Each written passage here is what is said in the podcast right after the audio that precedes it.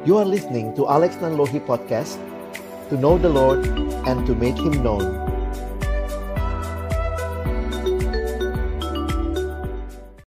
RK14 The Gospel Way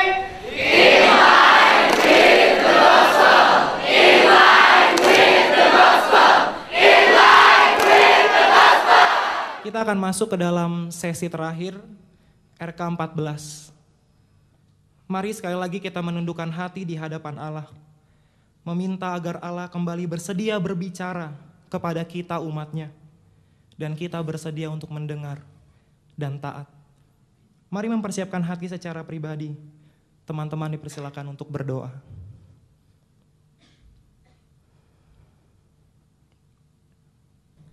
Ketika aku mengingat betapa mengerikannya dosa, namun juga betapa besarnya kasih Allah kepada kita, kita tidak akan pernah mau lagi kembali ke belakang. When I remember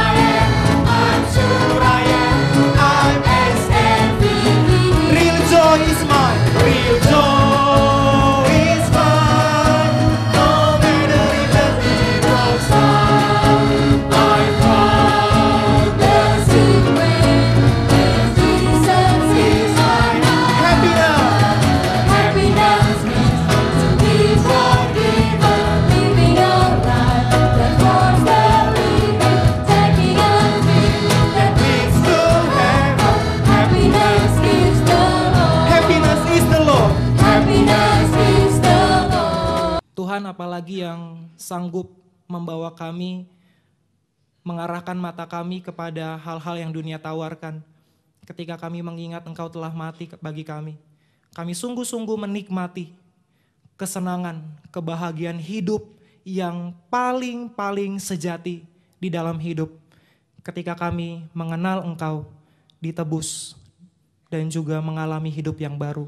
Terima kasih untuk sukacita yang besar yang Tuhan karuniakan. Kami sungguh menyerahkan, biarlah ibadah ini sekali lagi menolong kami melihat siapa Yesus dalam hidup dan pelayanan kami. Dalam Kristus Yesus Tuhan, kami berdoa, kami bersyukur. Amin. Sebab kematiannya adalah kematian terhadap dosa. Satu kali dan untuk selama-lamanya. Dan kehidupannya adalah kehidupan bagi Allah. Demikianlah hendaknya kamu memandang bahwa kamu mati bagi dosa, tetapi kamu hidup bagi Allah di dalam Kristus Yesus. Roma 6 ayat 10 sampai 11. Yesus memanggil kita menjadi anak-anaknya. Mati bagi dosa, hidup bagi Allah. Yesus memanggil kita untuk melayaninya, bukan melayani dosa. Yesus panggil saudara. Jesús, Padre,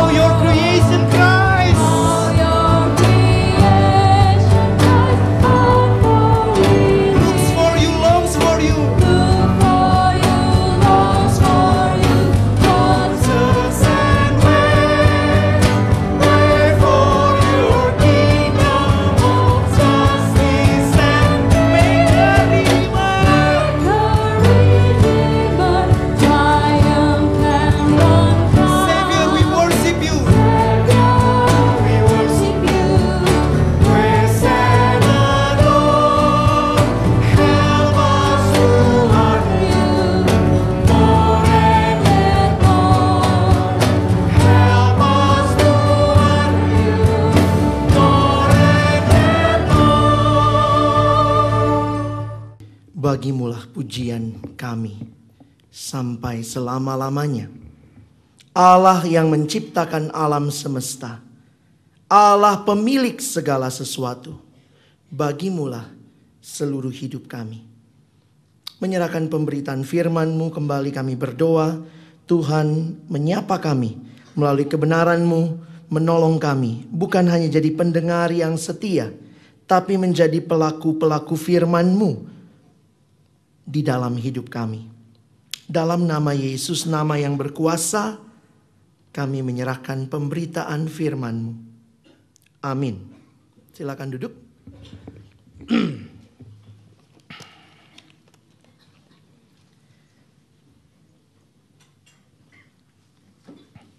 Teman-teman yang dikasihi Tuhan, kita tiba di penghujung seluruh rangkaian RK ini. Dan saya harap kita siap pulang ya. Jangan menambah beban panitia. Karena kita harus melayani di kampus kita. Kira-kira 20 tahun yang lalu di tempat ini saya mengikuti camp kepemimpinan regional Jakarta pada bulan Februarinya dan kemudian di tahun yang sama 20 tahun yang lalu tahun 95 saya mengikuti camp nasional mahasiswa. Dan ini menjadi satu tempat khususnya ruangan ini yang menyaksikan kesetiaan Tuhan. Pada malam penantangan waktu itu saya ambil keputusan untuk melayani Tuhan. Termasuk di dalamnya saya pikir itu adalah awal pergumulan saya serius jadi hamba Tuhan. Malam itu KKR dipimpin oleh Bapak Pendeta Stephen Tong pada waktu camp nasional. Dan banyak sekali yang mengambil keputusan sehingga tempatnya penuh. Kami disuruh maju waktu itu dan akhirnya saya ingat Pak Tong meminta kita maju naik ke panggung. Karena sudah terlalu banyak orang yang maju dan saya ingat saya ada di sebelah sininya panggung. ya Kayaknya mimbarnya salah satu mimbar yang besar yang ada di belakang. Jadi tempat ini ber, bermakna dan bersejarah buat hidup perjalanan iman saya. Nah saya tidak tahu bagaimana dengan kalian. Titik-titik mana dalam hidupmu yang kamu yakin betul, kamu sadar betul, kamu meresponi panggilan Tuhan. Firman sudah disampaikan, tapi biarlah kita menangkap dengan jelas apa yang Tuhan mau kita kerjakan ketika kita kembali ke kampus kita masing-masing. Ada satu lagu yang saya rindu kita pelajari. Salah satu indahnya ikut camp pulang bawa lagu banyak ya. Walaupun waktu masuk di kampusmu bisa jadi berubah semua lagu itu. Karena salah mainnya, salah kuncinya, salah temponya. Jadi beberapa kali kalau saya datang ke fakultas atau mungkin ke kampus. Ini dari mana dia dapat lagu ini ya? Kalau punya handphone rekam gitu ya. Supaya emosinya nangkep. Jadi jangan kalian pulang. Teman-teman ini kan latihannya cukup panjang ya. Abang kakak yang kita beri applause dulu ya buat tim musik kita ya. Luar biasa. Terima kasih buat pelayanan mereka, kerja keras mereka. Dan uh, ini lagu yang saya nikmati ketika uh, melihat tentang siapa Allah yang bertahta itu. Ya, ini judulnya Behold Our God. Kita baca sama-sama ya. Jangan yang atasnya yang dibaca yang di jangan C, E, M gitu ya. Jangan, jangan. Kita agak cerdas sedikit lah ya. Yuk, satu, dua, ya. Who has the ocean in his hand? Who has numbered every grain of sand? Kings and nations tremble at his voice. All creation rises to rejoice. Behold our God seated on the throne. Come, let us adore him. Behold our King, nothing can compare. Come, let us adore him. Tidak ada yang setara dengan dia. Banyak lagu sekarang Allah ditinggikan kita ikut keangkat. Maksudnya gitu ya. Waktu uh, Allah ditinggikan kayaknya kita dapat berkat. Tetapi ini lagu-lagu yang bagi saya sangat God centered. Sama kayak lagu tadi ya. God of the universe, Lord of the universe.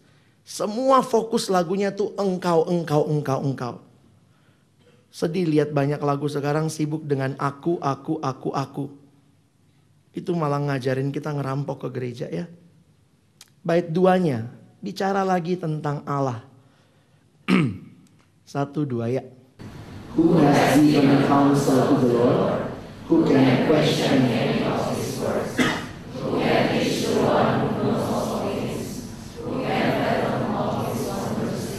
Ada pergumulan dalam hidupmu, jangan bilang kenapa begini, kenapa begitu. Adakah yang memberi pertimbangan kepada Tuhan? Dia maha bijaksana. Lalu bait ketiga, satu dua ya. Who has felt the nails upon his hands, bearing all the guilt of sinful man? God eternal, humble to the grave, Jesus Savior, risen now. Bagian ini bridge-nya, yang depan biasanya cowok dulu. Ya, di, kami dicipta lebih dulu ya. Nanti yang bagian tutup kurungnya itu wanita. Dan kalimat ini yang saya senang ya. Saya harap ini oleh-oleh lah dari saya ya. Kalau kalian mau ingat apa yang kita bahas beberapa hari ini. You will reign forever. Pertama-tama dalam hidup kita. Tapi juga di tengah-tengah dunia ini. Di tengah-tengah dunia dia Allah yang kemuliaannya kita rindukan memenuhi seluruh bumi.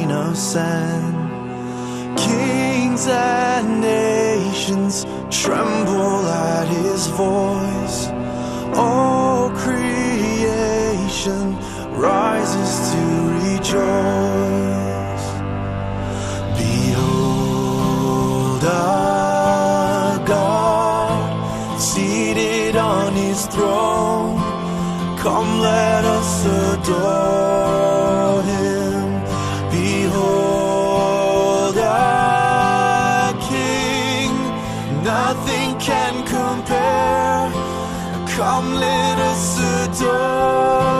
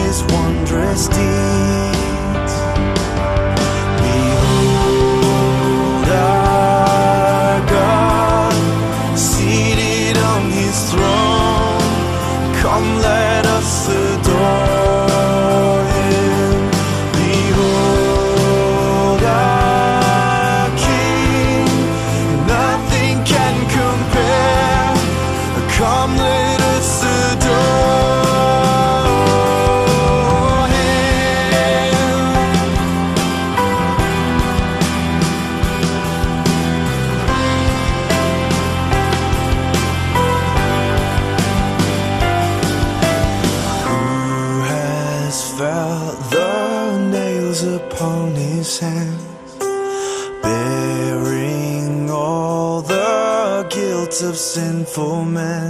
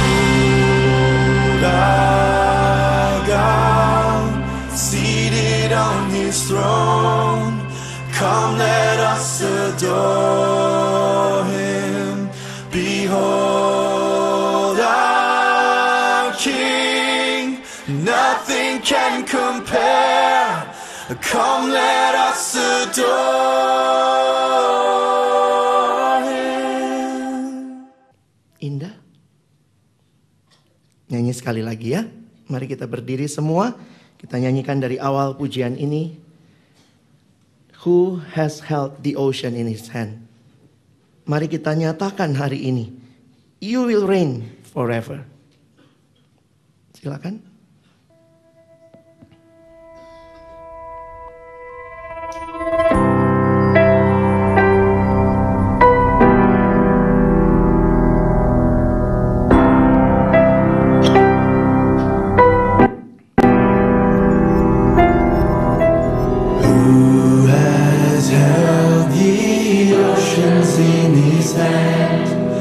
Aleluia.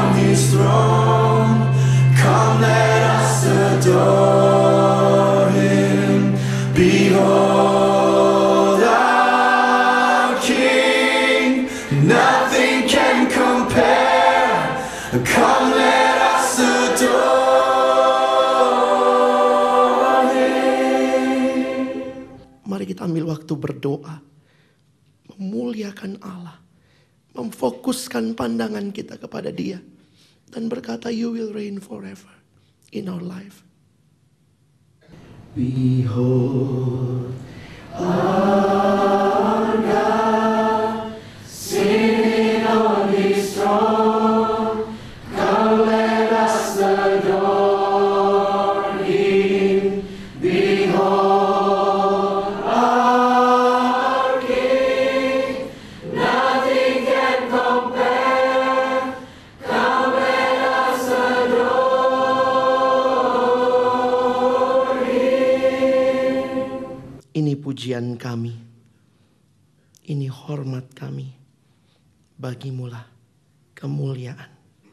Sampai selama-lamanya.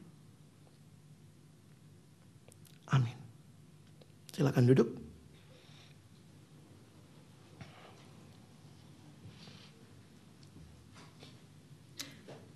Dengan hati yang mengagungkan Allah, mari kita menikmati bagian terakhir dari Galatia ini. Kita akan mendengarkan Galatia 5 ayat 26.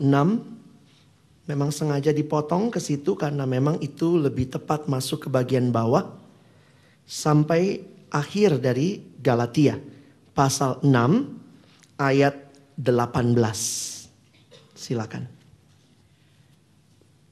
Dan janganlah kita gila hormat, janganlah kita saling menantang dan saling mendengki. Saudara-saudara, kalaupun seorang kedapatan melakukan suatu pelanggaran, maka kamu yang rohani harus memimpin orang itu ke jalan yang benar dalam roh lemah lembut, sambil menjaga dirimu sendiri, supaya kamu juga jangan kena pencobaan. Bertolong-tolonglah menanggung bebanmu. Demikianlah kamu memenuhi hukum Kristus. Sebab kalau seorang menyangka bahwa ia berarti, padahal ia sama sekali tidak berarti, ia menipu dirinya sendiri. Baiklah tiap-tiap orang menguji pekerjaannya sendiri, maka ia boleh bermegah melihat keadaannya sendiri dan bukan melihat keadaan orang lain. Sebab tiap-tiap orang akan memikul tanggungannya sendiri. Dan baiklah dia yang menerima pengajaran dalam firman, membagi segala sesuatu yang ada padanya dengan orang yang memberikan pengajaran itu. Jangan sesat. Allah tidak membiarkan dirinya dipermainkan. Karena apa yang ditabur orang, itu juga yang akan dituainya. Sebab barang siapa menabur dalam dagingnya, ia akan menuai kebinasaan dari dagingnya. Tetapi barang siapa menabur dalam roh, ia akan menuai hidup yang kekal dari roh itu. Janganlah kita jemu-jemu berbuat baik, karena apabila sudah datang waktunya, kita akan menuai jika kita tidak menjadi lemah. Karena itu, selama masih ada kesempatan bagi kita, marilah kita berbuat baik kepada semua orang, tetapi terutama kepada kawan-kawan kita seiman. Lihatlah bagaimana besarnya huruf-huruf yang kutulis kepadamu dengan tanganku sendiri. Mereka yang secara lahiriah suka menonjolkan diri, merekalah yang berusaha memaksa kamu untuk bersunat hanya dengan maksud supaya mereka tidak dianiaya karena salib Kristus. Sebab mereka yang menyunatkan dirinya pun tidak memelihara hukum Taurat. Tetapi mereka menghendaki supaya kamu menyunatkan diri agar mereka dapat bermegah atas keadaanmu yang lahiriah. Tetapi aku sekali-kali tidak mau bermegah selain dalam salib Tuhan kita Yesus Kristus. Sebab olehnya dunia telah disalibkan bagiku dan aku bagi dunia. Sebab bersunat atau tidak bersunat tidak ada artinya, tetapi menjadi ciptaan baru. Itulah yang ada artinya. Dan semua orang yang memberi dirinya dipimpin oleh patokan ini, turunlah kiranya damai sejahtera dan rahmat atas mereka dan atas Israel milik Allah. Selanjutnya, Janganlah ada orang yang menyusahkan aku, karena pada tubuhku ada tanda-tanda milik Yesus. Kasih karunia Tuhan kita, Yesus Kristus, menyertai roh kamu saudara-saudara. Amin. Teman-teman firman Tuhan luar biasa. Bagaimana itu memberikan kepada kita pemahaman. Firman Tuhan memberikan kepada kita hati yang digelisahkan. Firman Tuhan menantang gaya hidup kita. Dan karena itulah saya sungguh rindu ketika firman Tuhan diberitakan. Kamu sudah boleh menikmati bagaimana konsepmu diarahkan, hatimu dibedah, kelakuanmu dibangun, karaktermu bertumbuh di dalam Tuhan. Alami ini dan terus beritakan firman. Ketika firman tidak jadi yang utama di PMK, maka jangan harap orang berubah. Karena hanya kuasa Allah melalui kebenaran firman yang bisa membawa orang kepada Injil yang sejati. Nah saya terkesan dengan kalimat yang dituliskan oleh Bapak John Stott berikut ini. Betapa firman Tuhan harusnya kita izinkan mengkonfrontasi hidup kita. Membongkar hidup-hidup kita. Hal-hal yang tidak sesuai. Ya, Tolong bisa dibacakan. We, we must allow the word of God to confront us, to disturb our security, to undermine our complacency, and to overthrow our patterns of thought and behavior. Biarlah firman Allah boleh memutarbalikkan semua hal-hal yang tidak benar menjadi hal yang in line with the gospel. Ya. Nah, hari ini kita kembali melihat bahwa bagian yang kita baca tadi, khususnya pasal yang kelima ayat 26, mau tidak mau kita mesti lihat ke atasnya. Itu terkait dengan ayat 25. Keep in step with the spirit. Itu istilah yang dipakai di dalam Alkitab bahasa Inggris. Paulus mengingatkan, jikalau hidup kita di jikalau kita hidup oleh roh, baiklah hidup kita juga keep in step with the spirit. Dan ini bukan sekedar bicara hidup pribadi, tetapi bagaimana keep in step with the spirit akan mempengaruhi lingkungan di mana kita hidup. Karena itu sebenarnya kalau teman-teman perhatikan mulai dari ayat 26 sampai pasal 6 ayat 18, kelihatannya kayak nasihat-nasihat begitu ya. Tapi bisa kita perhatikan bahwa fokusnya tetap sama. Live by the gospel. Hidupi Injil itu. Kiranya kamu mengalami Injil itu. Boleh mempengaruhi hidupmu, mengarahkan hidupmu. Dan kita akan lihat ada tiga bagian untuk menolong kita. Pertama ayat 26 sampai 6 ayat 5. Itu the gospel relationship. Kalau ada final warning, Ternyata Paulus marahnya nggak kelar ya. Maksudnya marahnya sampai di akhir. Kamu orang-orang bersunat. Jadi masih ini ya. Bukan cuma di depan tapi sampai akhir. Bahkan dia bilang jangan sesat. Bisa bayangkan kalau dia udah didik jemaat begitu rupa lalu mereka pindah dengan pengajaran betapa passionnya dia. Dan itu muncul sepanjang surat ini. Ada warning tapi juga ada final invitation.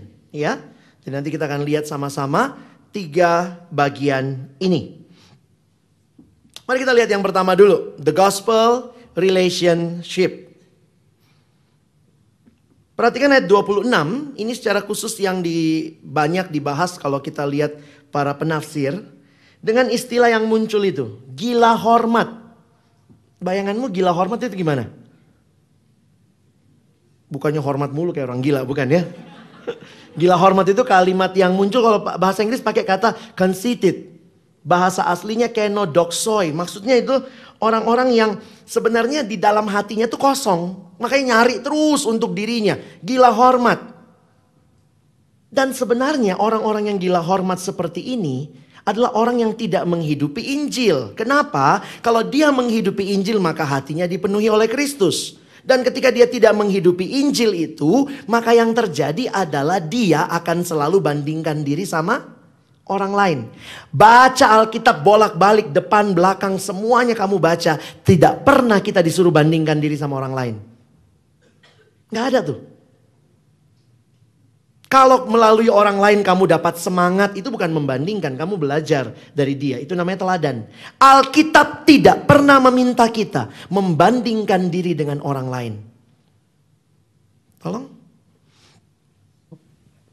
So, conceit is a deep insecurity, a perceived absence of honor and glory, leading to a need to prove our worth to ourselves and others. Membandingkan diri dengan orang lain. Jadi karena hatinya kosong, selalu ingin diisi, ada perasaan tidak aman, tidak nyaman, terus mau diisi dengan hal-hal yang memuliakan dirinya, maka kita akan lihat nih, akan selalu berusaha membuktikan. Kalau kamu jadi anak yang kayak begitu, ngeri sebenarnya hidupmu. Aku pengen buktikan bang sama orang tuaku. Terus apa? Apa idolmu? Harga dirimu. Saya ketemu beberapa anak yang di despise sama keluarga. Mungkin juga pernah tinggal sama saudara. Lalu kemudian waktu tinggal sama saudara mungkin diremehkan, direndahkan. Ah kau nggak bakal bisa maju. Terus kemudian tunggu ya. Aku akan buktikan. Sebenarnya orang-orang seperti itu sindromnya ada gila hormat. Ya. Kamu tidak perlu membuktikan kepada orang lain. Dan ternyata gambaran ini teman-teman, begitu kamu tidak punya poin pemahaman yang benar, yang rusak tuh relationship. Nah, karena itu lihat ayat ini lagi. Kalau kita gila hormat, saya mengutip kalimat dari Bapak John Stott, dia mengaitkan dua hal. Kalau kita gila hormat, kosong hati kita, maka dua kemungkinan muncul. Pertama, menantang. Kita biasanya menantang kalau orangnya gimana? Lebih tinggi apa lebih rendah dari kita? Hmm? Lebih tinggi, biasanya begitu. Kalau itu orangnya kira-kira, uh, maksudnya gini, orangnya itu mungkin lebih lebih rendah dari kita, kita cenderung menantang. Maksudnya kita yang merasa diri lebih dari dia. Coba deh ya lihat gambarannya. Menantang, provoking, mendengki dipakai istilah envy. Provoke is competitive, meaning challenge someone to a contest. Ayo, hmm, bisa nih, gue bisa buktiin. Envy means to want something that rightfully belongs to someone else. Itu punya orang. Kamu dengki, ih kenapa sih gue gak punya mobil kayak dia? Jadi ini gambarannya ya, saudara setuju apa tidak nih? Provoking, menantang itu kita uh, is the stance of someone who is sure of his or her superiority. Kadang kalau kita merasa superior, kita berani nantangin orang. Tapi yang satunya inferior, minder. Yang muncul adalah dengki. Coba deh gue punya kayak begitu. Jadi sebenarnya dua-duanya sama. Akarnya apa? Gila, hormat. Hmm. Gimana kalau kamu lihat dirimu di hadapan kaca? Ini apple. Memandang diri tepat. Tapi di hadapan siapa? Ketemu orang yang bodoh kita berasa, hmm, gitu aja nggak bisa. Ketemu orang yang lebih pinter, ih kok dia bisa semua? Lucu ya. Sebenarnya masalahnya ada di mana? Di hati kita. Kalau kamu banyak masalah sama orang lain, periksa dirimu. Ada anak datang, iya bang aku di rumah berantem sama papa mama. Di kampus juga banyak musuh. Saya bingung ini orang, masalahnya di orang lain apa di dirinya? Kemungkinan besar di dirinya.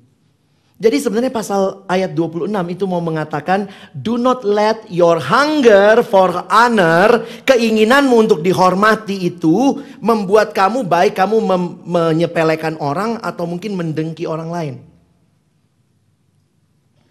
Jadi sebenarnya Paulus sekali lagi memberikan pemahaman ini. A gospel based self image. Saling menantang kalau superior saling mendengki. Lalu sebenarnya bagaimana konsep diri kita? Perhatikan pasal 3 nanti sudah kita bahas sebenarnya. I am a son of God. Karena itu I can be confident. Pede dong, aku anak Allah. Tapi itu melalui karya Kristus. Membuat kita tetap rendah hati, nggak sombong. Kita tidak ada pada inferiority, superiority, tapi kita ada di dalam pemahaman Injil yang benar. Kalau begini terjadi, barulah pasal 6 ayat 1 bisa terjadi. Karena pasal 6 ayat 1 mintanya apa? Hidup sebagai saudara-saudara. Jangan bingung, kenapa kok nggak ada sisternya bang? Ya waktu itu kan budayanya laki-laki. Jadi kamu tambah brothers and sisters. Ya? Nah perhatikan sebentar, kita nggak ada waktu bahas dalam lah ya. Karena saya pikir nanti ini sudah teasernya kalian di rumah PA lagi gitu ya. Lihat keindahan ayat-ayat ini. Kalau kamu tidak superior sama orang, kamu tidak inferior terhadap orang, kamu jadi bisa nolong orang, benar nggak? Lihat orang berdosa, ini kalau kedapatan melakukan pelanggaran maka kamu yang rohani harus memimpin orang itu ke jalan yang benar. Jadi jangan disalah-salahin. Susahnya begitu kadang-kadang sikap kita ya, apalagi kalau orangnya kita nggak suka. Lalu kemudian kita masuk dengan berbagai pemahaman. Tuh, jangan harap kak, dia bisa berubah nggak bakal. Wih, lu lebih hebat dari Tuhan. Kita berarti merasa diri superior. Siapa yang nggak bisa berubah?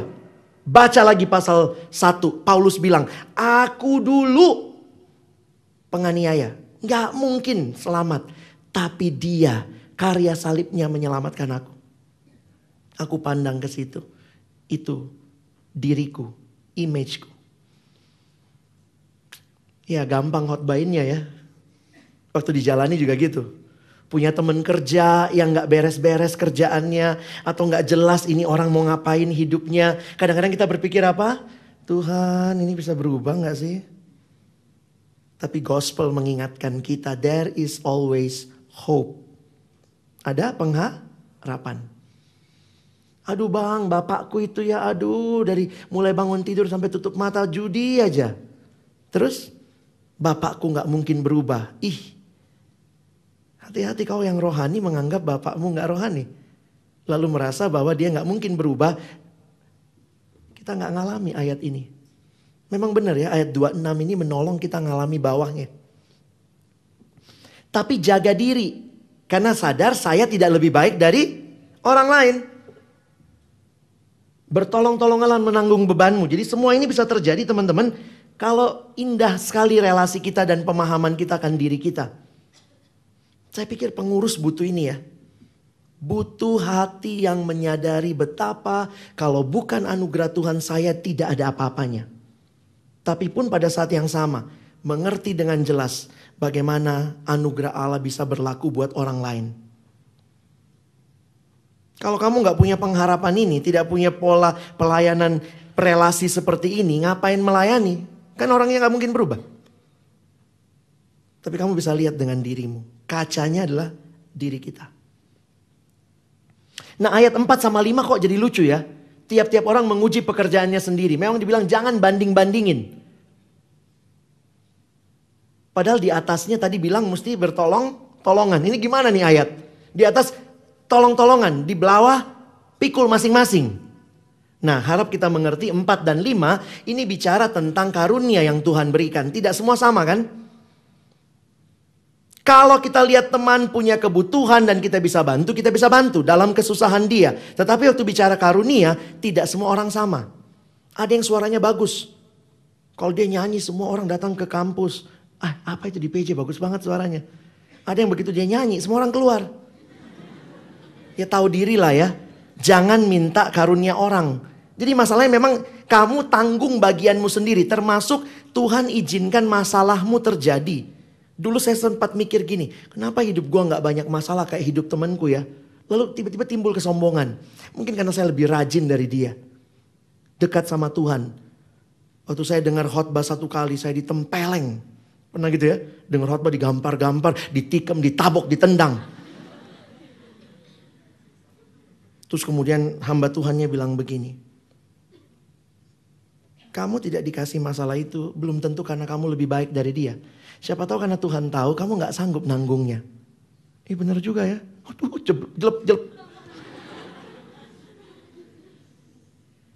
Karena Tuhan bilang kan pencobaan yang kamu alami tidak melebihi kekuatanmu. Jadi kalau masalah hidup kita itu membuat kita membandingkan diri sama orang lain, terlalu cantik salah, nggak cantik salah juga gitu ya. Nggak bisa dibandingkan. Kalau kamu nggak secantik dia nggak apa-apa. Cantik banget ya. Ya udahlah. Tapi kalau pulang malam hati-hati. Aku nggak ada yang peduli.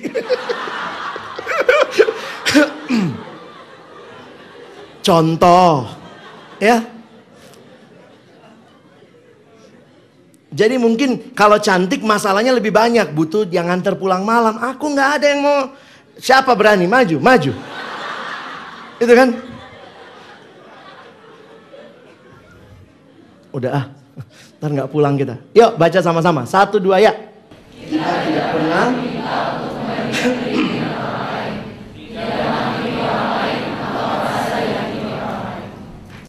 Yang sedih itu kayak merasa dihakimi. Lihat dia mandangin gue deh, "Ih, kayaknya begini deh. Aduh, emang jelek ya gue.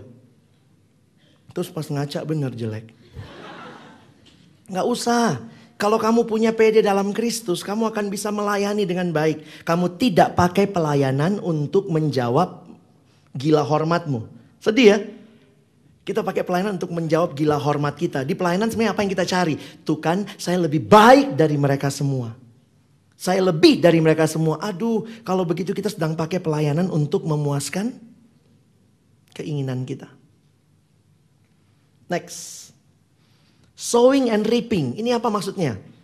Sowing berarti menabur, reaping berarti menuai. Ada masalah tabur tuai di situ. Ada apa sih? Teman-teman waktu bicara tabur tuai ini, perhatikan ayat yang ke-6 di Alkitabmu.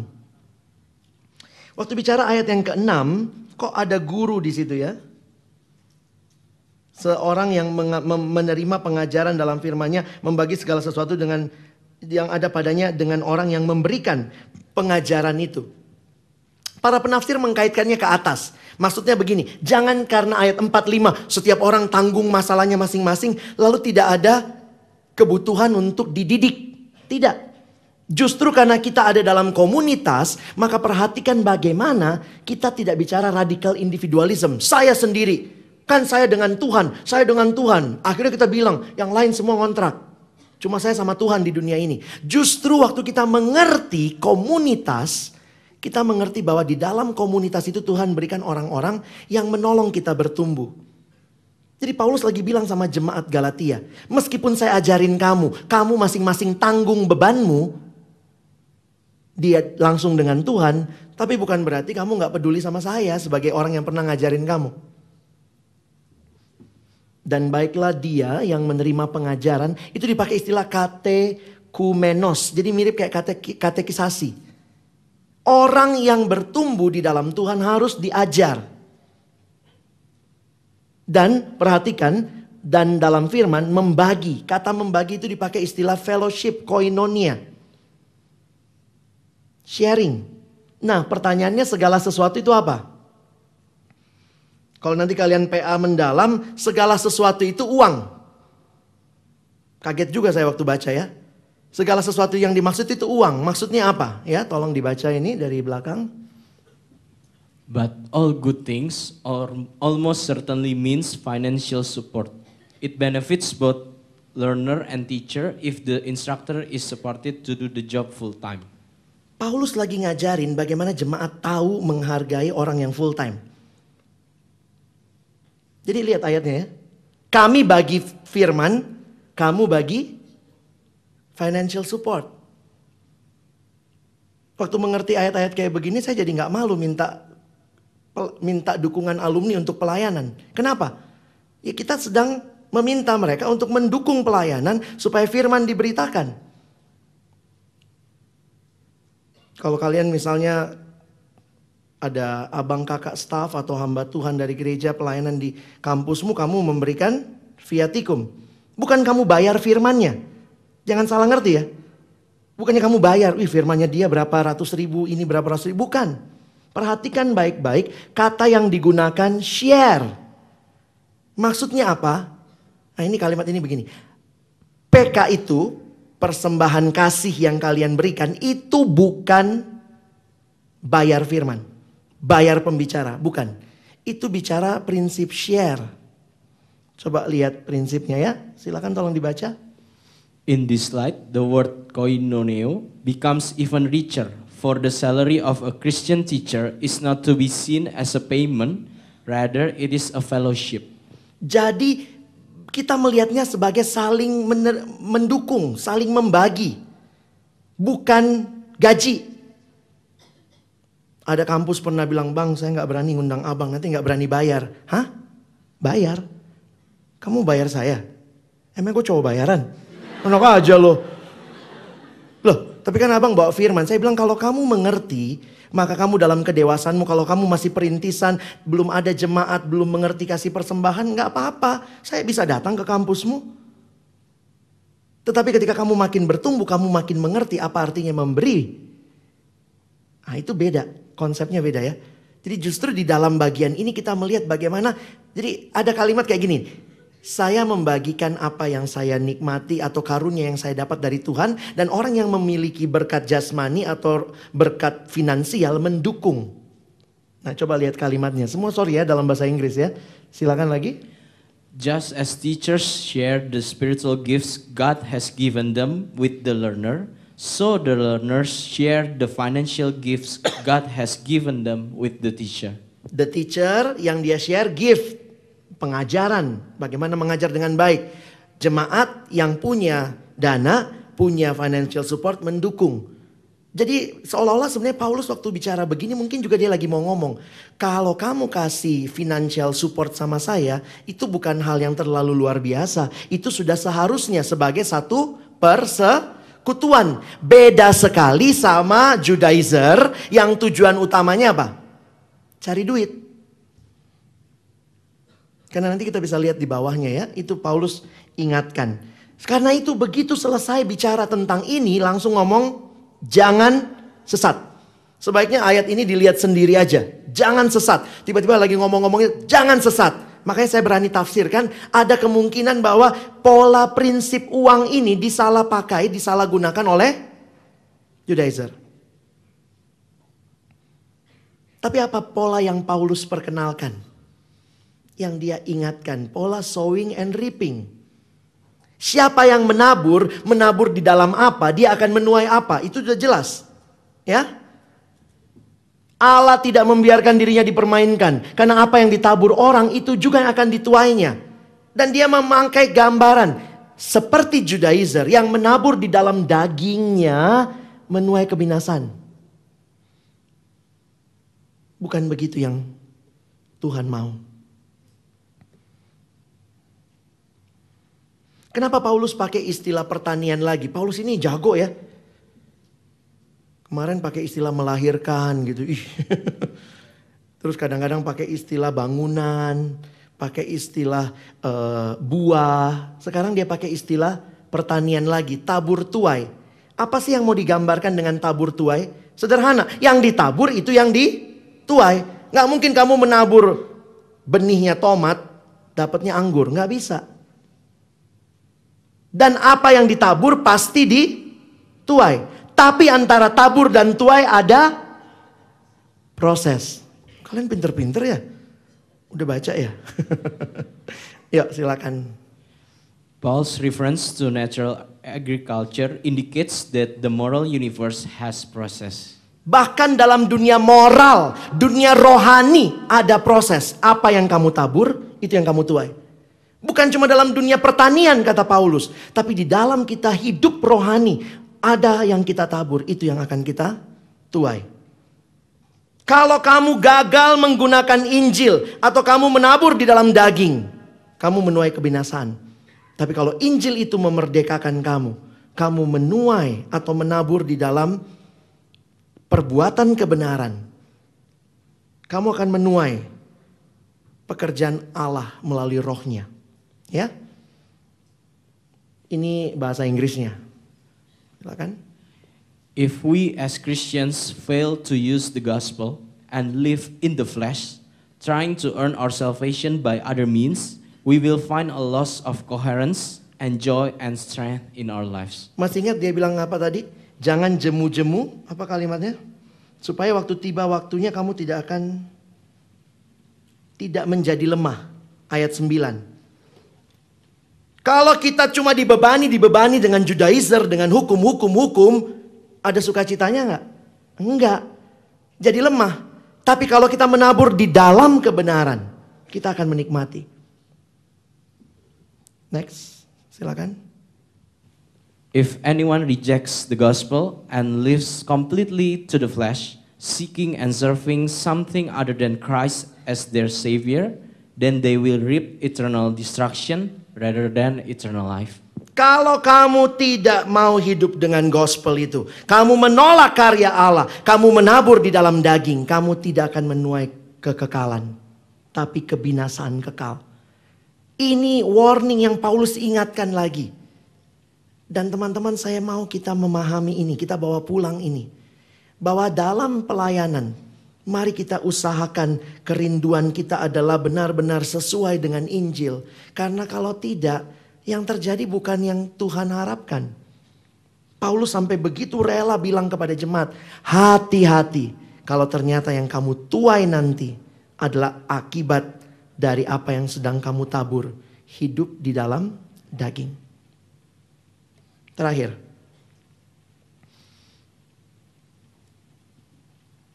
Paulus bertanya, apa kemegahanmu?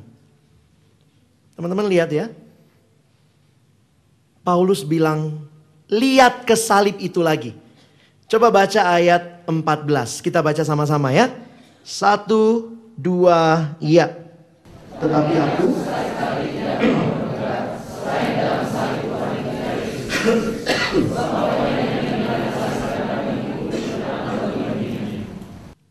Apa bagusnya salib? Di zaman Paulus, salib itu tanda hukuman mati.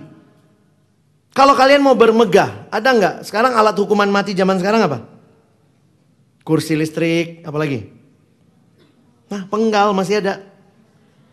Nggak ada ya? Ada nggak yang digelitikin sampai mati? Apalagi? Tembak, suntik. Ih puji Tuhan Yesus datang 2000 tahun lalu ya. Jadi kalung kita salib. Bayangkan kalau Yesus datang sekarang, kalung kita kursi listrik coy. Bener gak? Tapi bayangkan, kalau sekarang ini kamu jalan pakai kalung kursi listrik. Terus jalan gitu, terus orang bilang itu, eh apaan tuh kursi listrik? Apaan itu? Alat kematian, alat hukuman mati. Zaman itu kayak begitu Paulus waktu ditanya, Paulus apa kemegahanmu? Salib. Masuk akal nggak? Kok yang dimegahkan salib sih? Alat hukuman mati. Tapi Paulus bilang di situ karya genap itu. Dan karya itu tidak hanya historical. Objektif. Nah ini kalimat-kalimat teologis ya. Itu bukan hanya karya historical objektif. Pernah terjadi di kayu salib. Tapi Paulus bawa. Jadi karya subjektif di hidupnya. Dunia disalibkan bagi aku dan aku bagi dunia. Yang Paulus lihat di salib bukan hanya Yesus yang mati, tapi salib itu menginspirasi dia melihat bagaimana hidupnya dan dunia diselesaikan di kayu salib itu. In line with the gospel. The gospel inspires him to know his life as crucified with Jesus on the cross. Saya sudah disalibkan. Itu bukan hanya karya objektif, historical, pernah terjadi dalam sejarah. Tapi itu karya yang terjadi terus menerus. Aku disalibkan bagi dunia, dunia disalibkan bagiku. Ada berapa penyalipan? Satu salib, dia bisa lihat tiga penyalipan di situ. Wah kalau Injil menginspirasi hidupmu, kau akan mengerti dengan jelas apa yang terjadi di kayu salib. Bagaimana hidupmu, bagaimana dunia.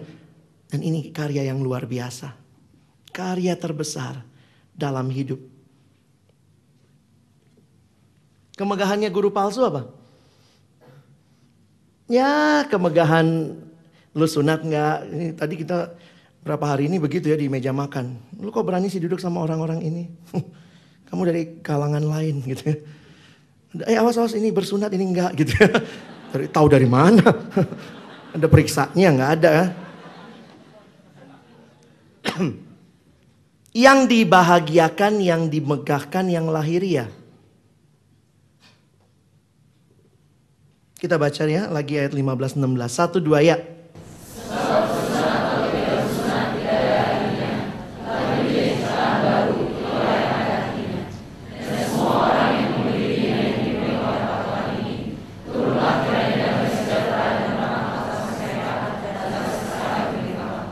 Wah Israel milik Allah, ini Israel yang baru. Turunlah kiranya berkat Allah atas mereka.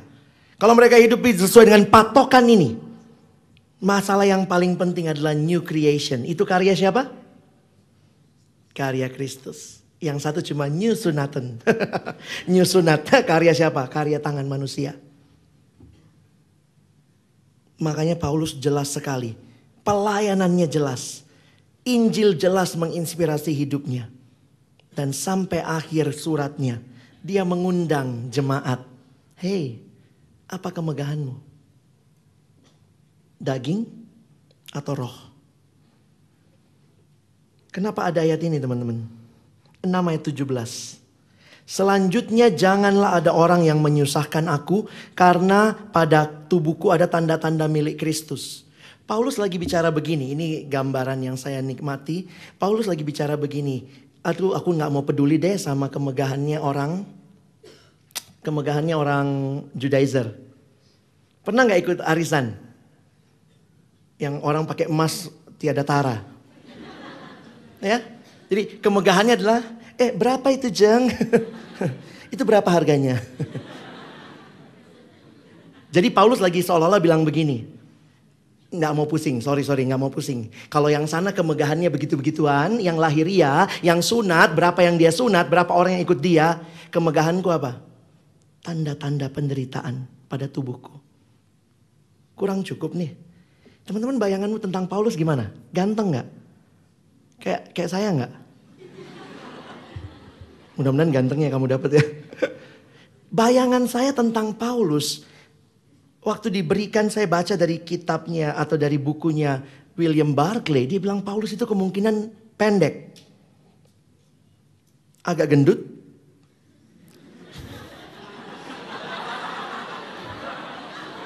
Kepalanya botak. Mati deh gue. Coba lihat 2, 2 Korintus 11 ya. 2 Korintus 11 ayat 21 sampai 29. Bisa suara dari belakang untuk baca buat kita ya, agak panjang. Suara misteri. Coba lihat 2 Korintus 11, 21 sampai 29. Silakan. Dengan sangat malu aku harus mengakui bahwa dalam hal semacam itu kami terlalu lemah. Tetapi jika orang-orang lain berani membanggakan sesuatu, maka aku pun, aku berkata dalam kebodohan, berani juga. Apakah mereka orang Ibrani? Aku juga orang Ibrani. Apakah mereka orang Israel? Aku juga orang Israel. Apakah mereka keturunan Abraham? Aku juga keturunan Abraham. Apakah mereka pelayan Kristus? Aku berkata seperti orang gila, aku lebih lagi. Aku lebih banyak berjeli lelah, lebih sering di dalam penjara, didera di luar batas, kerap kali dalam bahaya maut. Lima kali aku disesah orang Yahudi, setiap kali empat puluh kurang satu pukulan.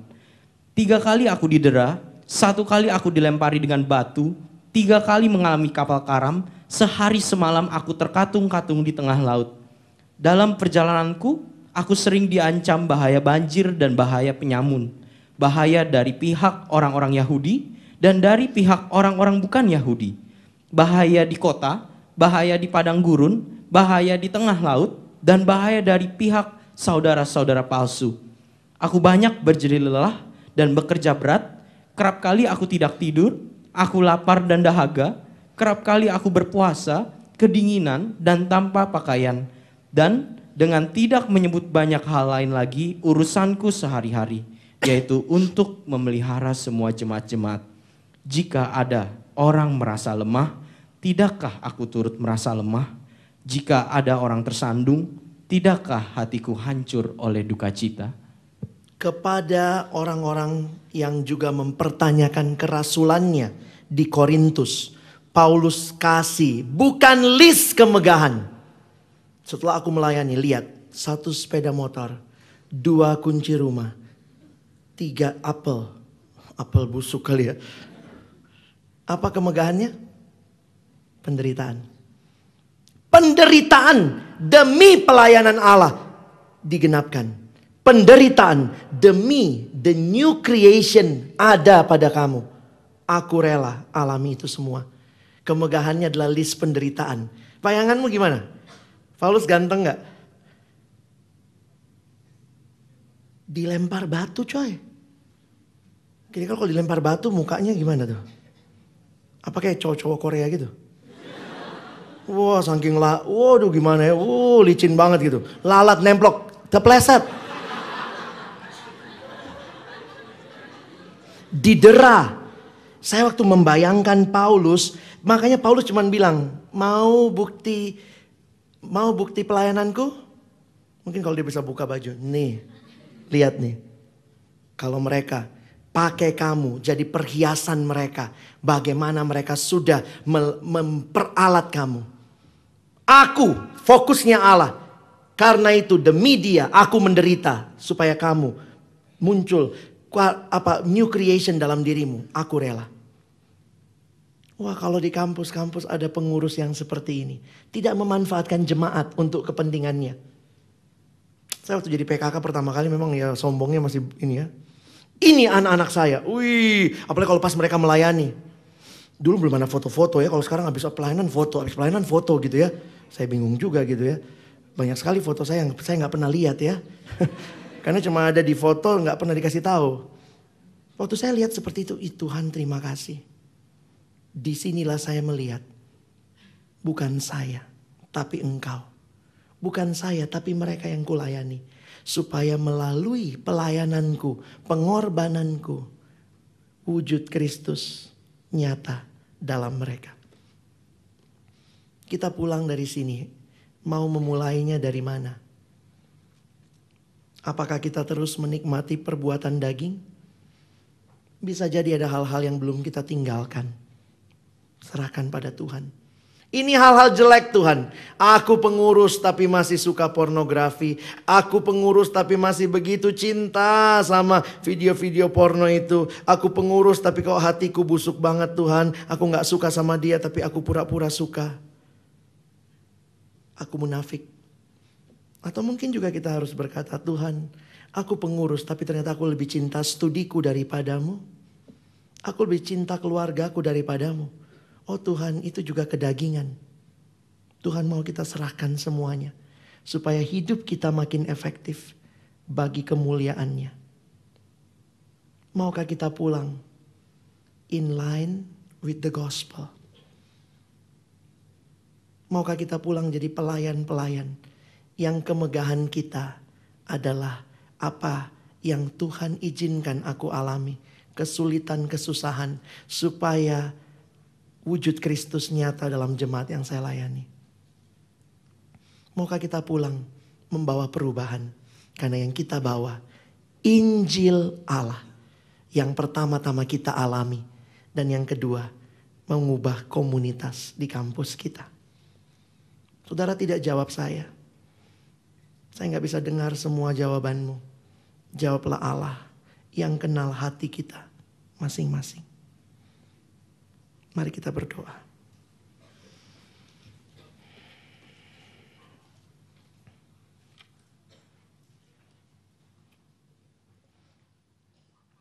Penutup Galatia 6 ayat 18.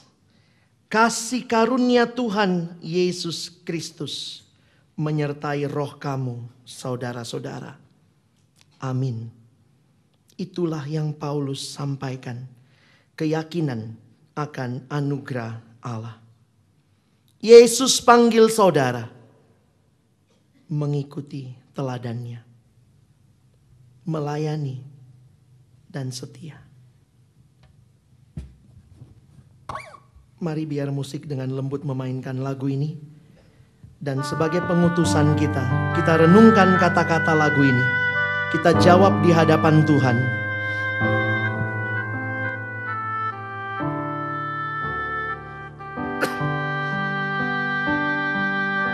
Yesus panggil saudara. Yesus panggil saudara menjadi anak-anaknya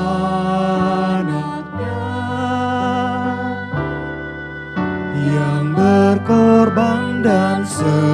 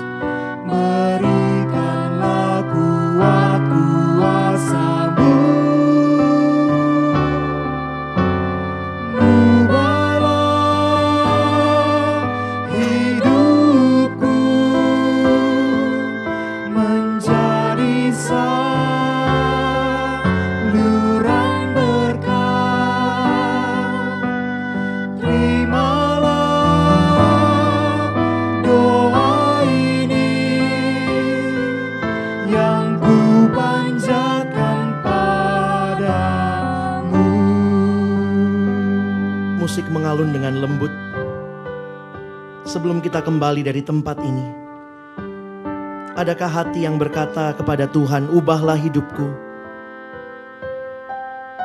Ubahlah hidupku, Tuhan, supaya aku jadi saluran berkat. Jangan biarkan aku pulang dari tempat ini ternyata masih begitu banyak berhala di hatiku. Dan kalau hari ini pandanganku kembali diarahkan ke salib itu, biarlah aku boleh bertobat dari hati yang merajakan hal-hal lain selain Tuhan.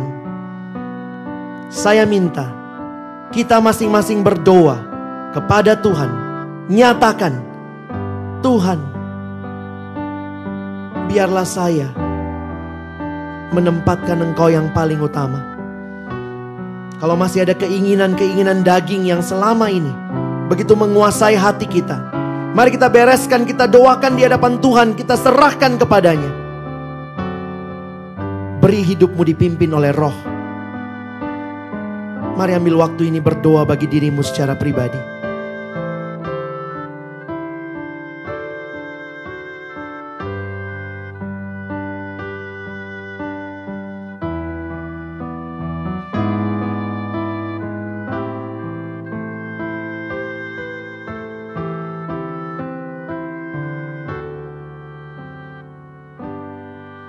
Saudara dipanggil di kampus menjadi pengurus, pelayan, koordinator, tim inti, apa pun bagian kita.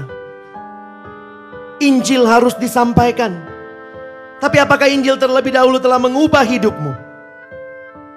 Supaya bukan Injil jadi objek yang kau sampaikan, tapi jadi subjek yang menguasai, mengevaluasi, membedah hatimu yang terdalam.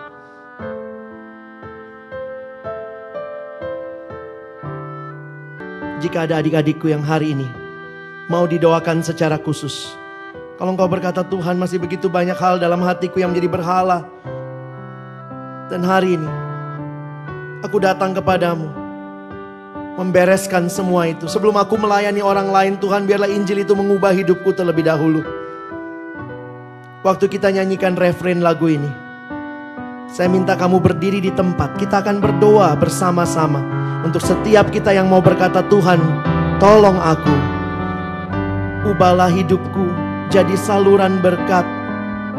Oh Yesus jadikan aku hambamu bukan hamba dosa. Oh roh kudus berikan aku kuat kuasamu. Mari dengan lembut nyanyikan refrain lagu ini. Dan bagi kamu yang mau menyerahkan hidupmu bagi Tuhan. Dibereskan di hadapan Tuhan. Saya minta berdiri di tempat waktu kita nyanyikan lagu ini. Oh Yesus, oh tidak usah malu. Ini keputusan pribadi. Tidak ada yang bisa mengambil keputusan untuk hidupmu.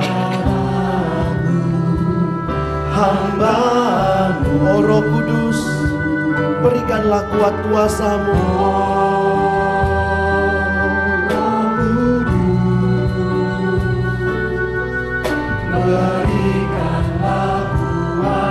Mari berseru Tuhan ubahlah hidupku. Ubahlah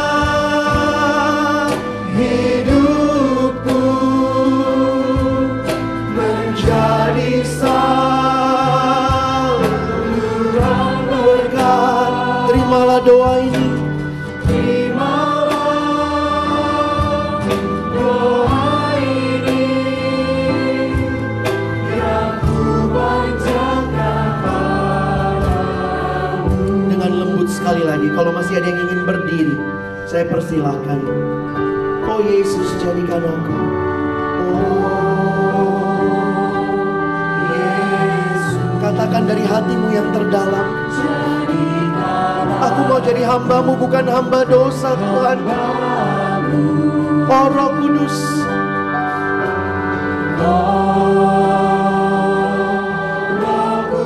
Berikanlah kuat kuasamu.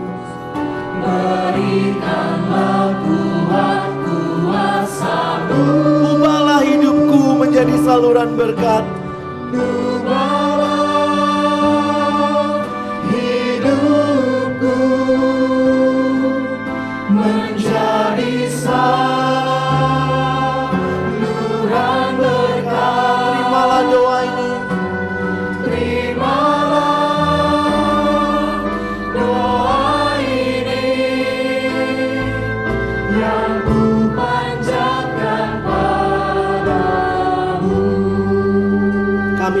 Menyerahkan hidup kami kepadamu Tuhan. Karena sungguh tidak ada hal lain yang bisa memuaskan kami. Tidak ada pribadi lain selain Engkau. Kami mau ambil hat, tekad yang dalam memandang ke salib itu. Supaya dosa-dosa yang kami nikmati boleh kami tinggalkan. Ubah hidup kami Tuhan. Bukan memandang kepada keinginan-keinginan daging. Tapi hidup dipimpin oleh roh. Tolong adik-adikku yang mengalami pergumulan yang berat. Jika ada di antara mereka yang sedang jatuh terpuruk dalam dosa. Hari ini kami bersehati di dalam nama Tuhan Yesus. Tuhan topang mereka, mereka milikmu Tuhan. Bawa mereka keluar dari hidup yang tidak menyenangkan Tuhan. Jadi hidup yang benar-benar dipersembahkan kepada Tuhan. Jika ada yang jatuh dalam dosa-dosa seksual, perbuatan daging, kami diingatkan hari ini ada begitu banyak perbuatan-perbuatan daging termasuk dosa seksual. Kalau hari ini kami dicengkram begitu rupa, Tuhan tolong kami memandang ke salibmu. Ada kebebasan, ada pembaharuan. Hati kami milikmu. Kami persembahkan bagimu. Karena engkau layak terima segalanya. Maukah engkau adik-adikku, teman-temanku pergi melayani di kampusmu? Biarlah hari ini Tuhan mengutus kamu dengan kasih karunia-Nya. Saya bukan Tuhan. PK kamu bukan Tuhan, para staf bukan Tuhan. Tapi biarlah hari ini kamu diutus oleh Allah yang berkenan menyatakan Injilnya bagi kita. Maukah engkau pergi ke kampusmu, kembali ke kampusmu, ke kotamu, jadi berkat di sana. Maukah engkau berdoa bagi pelayanan mahasiswa, pelayanan siswa di tempat di mana Tuhan utus kamu. Dengan hati yang berkobar-kobar pulang dan katakan Tuhan aku mau melayani. Di tempat ini saya rindu kita mulai berdoa. Semua kita berdiri di tempat. Semua kita hadap ke belakang. Dan kita ambil posisi berlutut. Kita menyerahkan pelayanan kampus kita.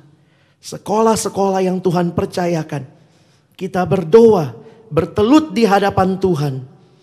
Tuhan, pakai kami di bangsa ini, di kota kami.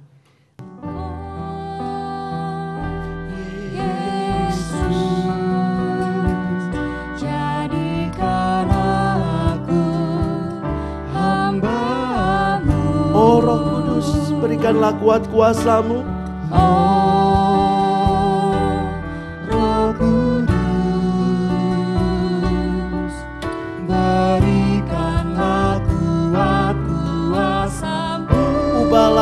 Ubahlah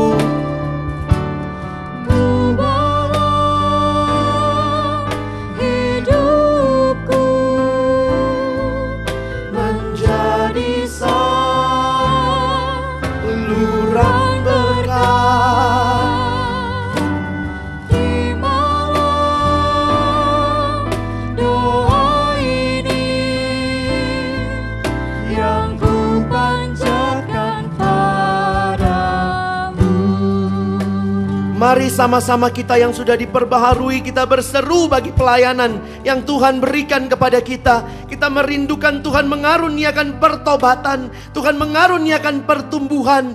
Injil diberitakan di kampus, di sekolah, di kota di mana kita melayani. Mari sama-sama berseru kepada Tuhan. Kita berdoa.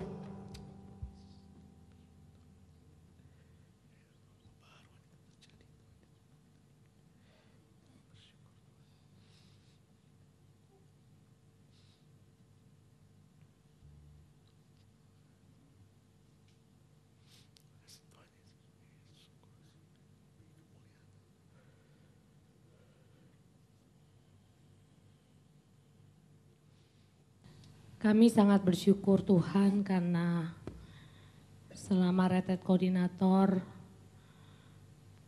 bertubi-tubi Engkau memperdengarkan berita kasih karunia. Dan berita kasih karunia inilah yang memberikan pengharapan yang kuat di hati kami.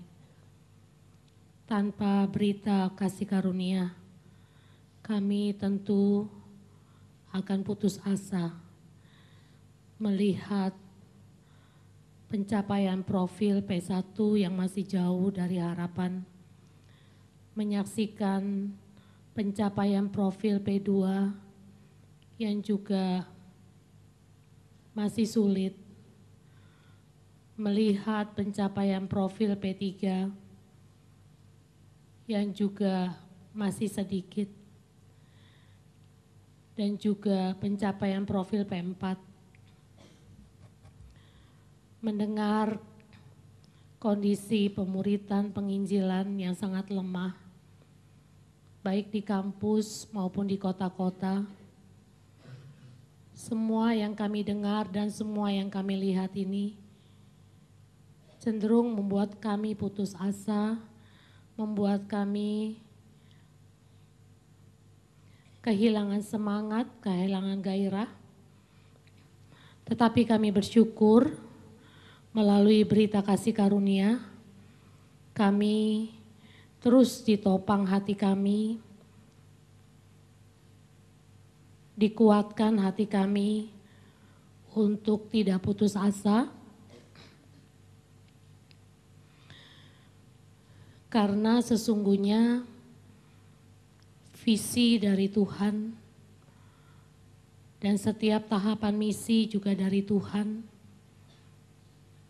Kami juga milik Tuhan.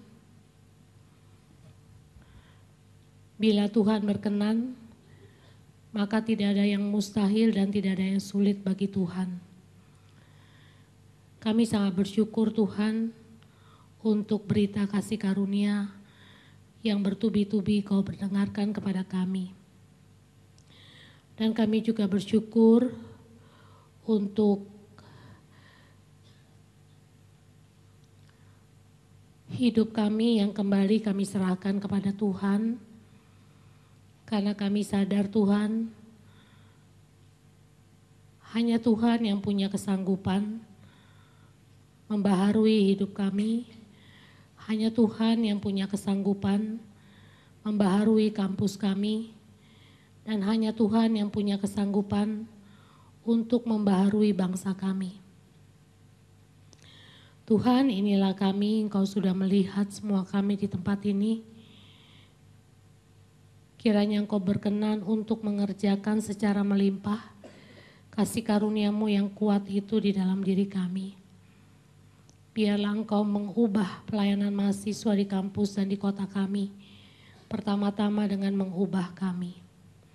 Biarlah Engkau mengubah bangsa kami. Pertama-tama dengan mengubah kami dan mengubah pelayanan kami mahasiswa di kampus dan di kota kami. Tuhan terima kasih banyak untuk kesempatan yang bertubi-tubi untuk kami bisa menikmati kembali kasih karunia Allah. Terima kasih banyak Tuhan, kami sungguh bersyukur. Dan kami juga bersyukur untuk hambamu, Bang Alex Tuhan, yang boleh mempelajari begitu rupa kitab Galatia dan membagikannya bagi kami.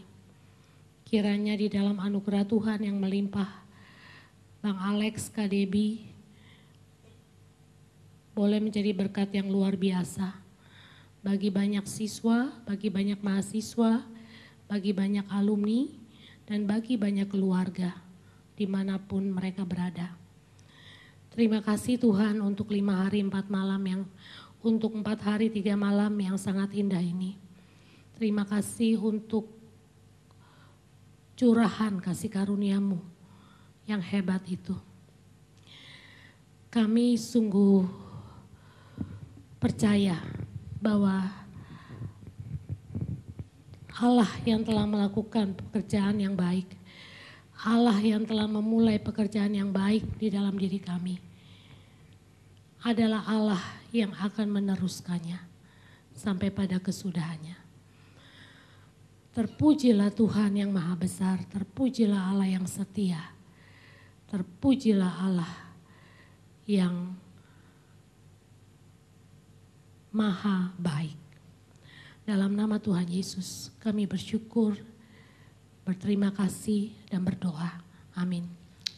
Saya mengajak teman-teman untuk membuka buku acara halaman 26 dan 27.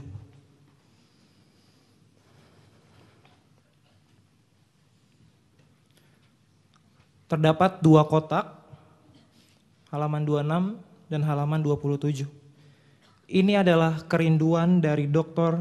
Isabelo Magalit. Kita akan baca bersama-sama dari dua kotak yang ada di halaman 26 dan 27.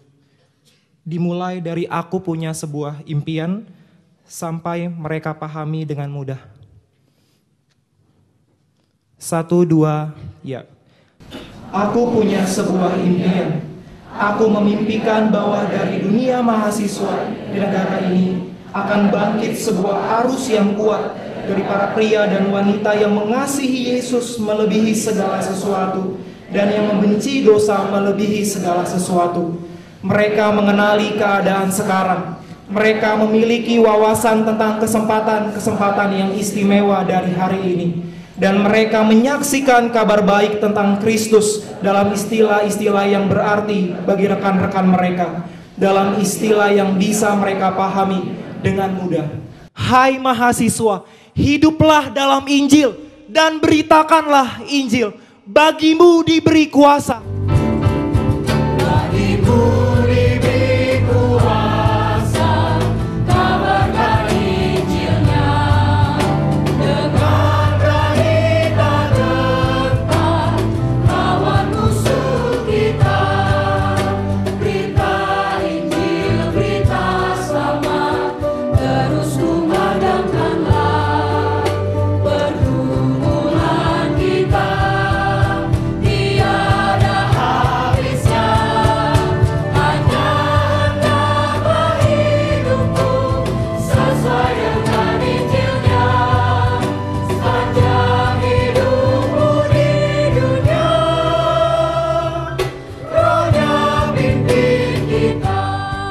Tuhan terima kasih sekali lagi buat anugerahmu yang besar bagi kami. Injil sudah disampaikan, sudah dikumandangkan, dan biarlah kami menghidupinya dalam perjalanan hidup kami bersama dengan Tuhan. Dan sampai pada akhirnya, biarlah kami memuliakan karyamu yang agung. Hanya engkau satu-satunya Allah yang bertahta di hidup kami dan atas seluruh bangsa. Bagimulah kemuliaan sekarang sampai selama-lamanya. Kami bersyukur untuk RK yang Tuhan berikan kepada kami. Dan kami mau mengembalikan segala pujian hormat kepadamu. Di dalam satu nama yang kudus, nama Tuhan kami Yesus Kristus. Kami menutup seluruh rangkaian daripada eksposisi di RK ini. Amin. Veteran